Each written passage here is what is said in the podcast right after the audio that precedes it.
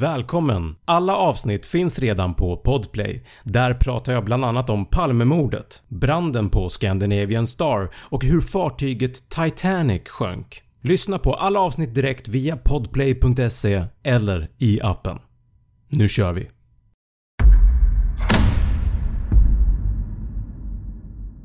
I februari 2013 får receptionen på hotellet Cecil i Los Angeles flera underliga samtal från hotellgästerna. De klagade på att vattentrycket var dåligt och att vattnet luktade och smakade konstigt. Vissa av gästerna påstod att vattnet var nästan svart.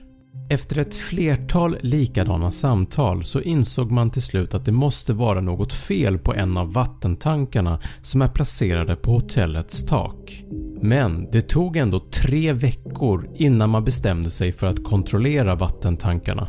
På taket fanns det fyra stycken vattentankar som innehåller 3785 liter vatten styck de gav vatten till gästernas hotellrum men också hotellköket och ett café i byggnaden. Den 19 februari undersökte en av hotellets anställda vattentankarna för att försöka lokalisera problemet och då hittade man något skrämmande.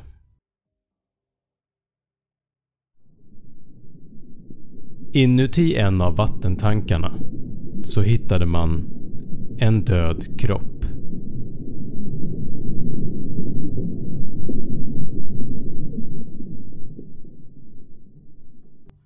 Polis och räddningstjänst skickades till hotellet.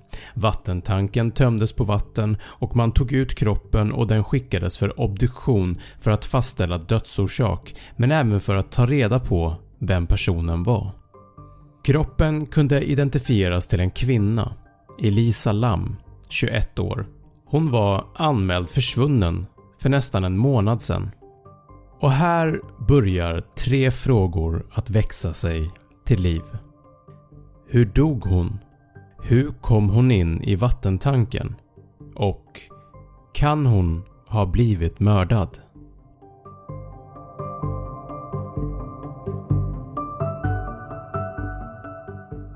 Jag läste igenom obduktionsrapporten när jag undersökte det här och den bestod av totalt 23 sidor.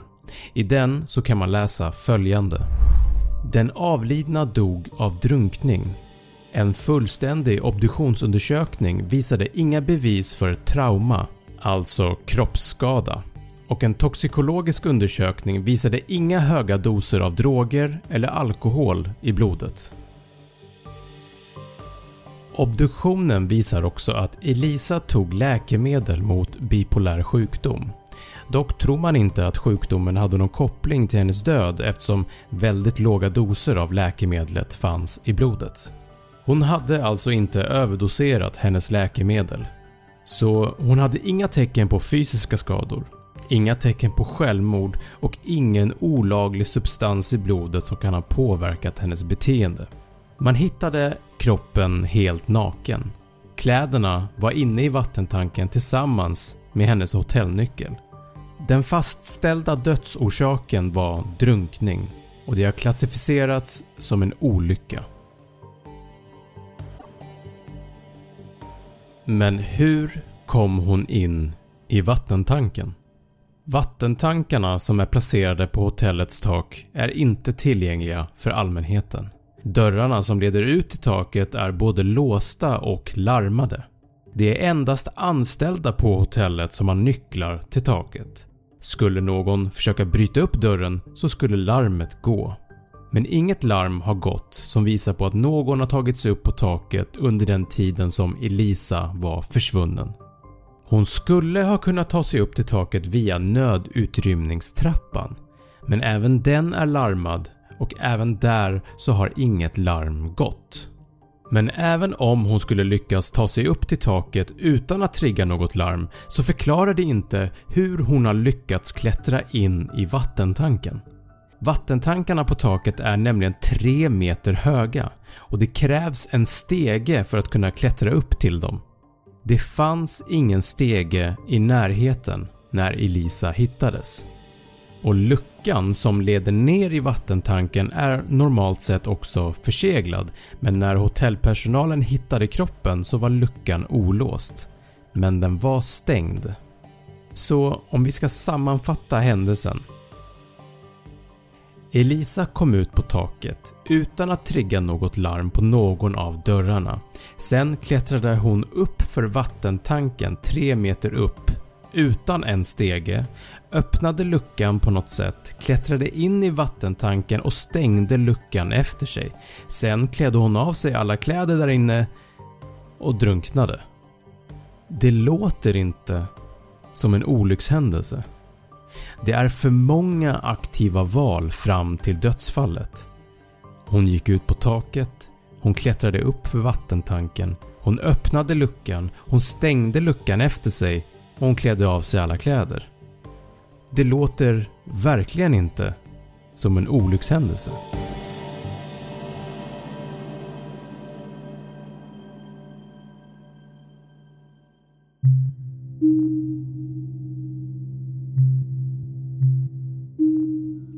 Då kommer vi in på den sista frågan. Kan hon ha blivit mördad? Kan någon annan ha varit inblandad och gjort det här mot henne? Även fast det inte finns ett enda bevis som tyder på det på Elisas kropp så finns det en sak som gör hela händelsen väldigt underlig. På hotellet är hissarna kameraövervakade och den 14 februari släppte Los Angeles-polisen en övervakningsfilm från hissen när Elisa fortfarande var anmäld försvunnen. Det var alltså under den tiden man fortfarande letade efter henne innan man hittade henne i vattentanken på taket. Övervakningsfilmen är från 1 februari och jag vill passa på att säga att filmen kan uppfattas som obehaglig att titta på. Hela filmen är 4 minuter lång och Elisa beter sig väldigt konstigt. Hon går in och ut från hissen ett flertal gånger. Vissa gånger ser det ut som att hon pratar med någon i korridoren som leder ut från hissen. Hon trycker även vilt på alla knappar i hissen men den verkar inte röra på sig.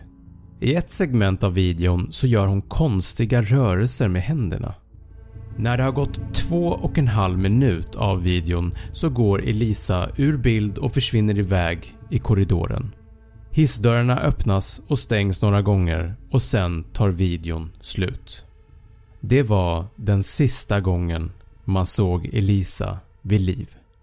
Videon ger tyvärr inga svar utan öppnar bara upp för ännu mer frågor.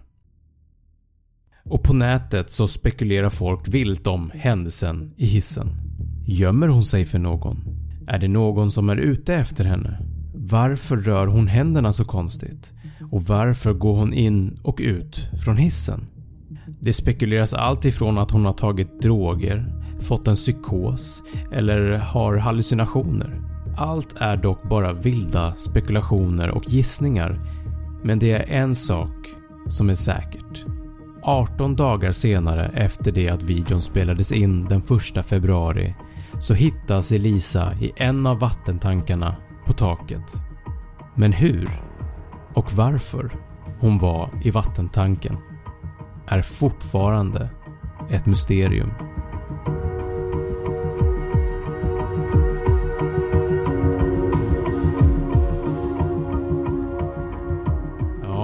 Så lät det när jag skapade den här videon på YouTube-kanalen för nästan ett år sedan. Jag kan berätta nu att en del saker har kommit upp till ytan gällande det här fallet. Elisa hade som sagt bipolär sjukdom och utredarna tror nu att hon var inne i ett psykotiskt tillstånd på grund av att hon underdoserade sin medicin. I det här tillståndet kan man få hallucinationer vilket kan förklara hennes beteende i hissen.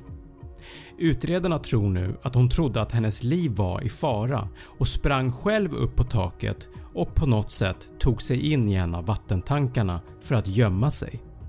När hon väl var där inne blev hon till slut så kall av vattnet och utvecklade hypotermi, att kroppstemperaturen helt enkelt sjunker för lågt.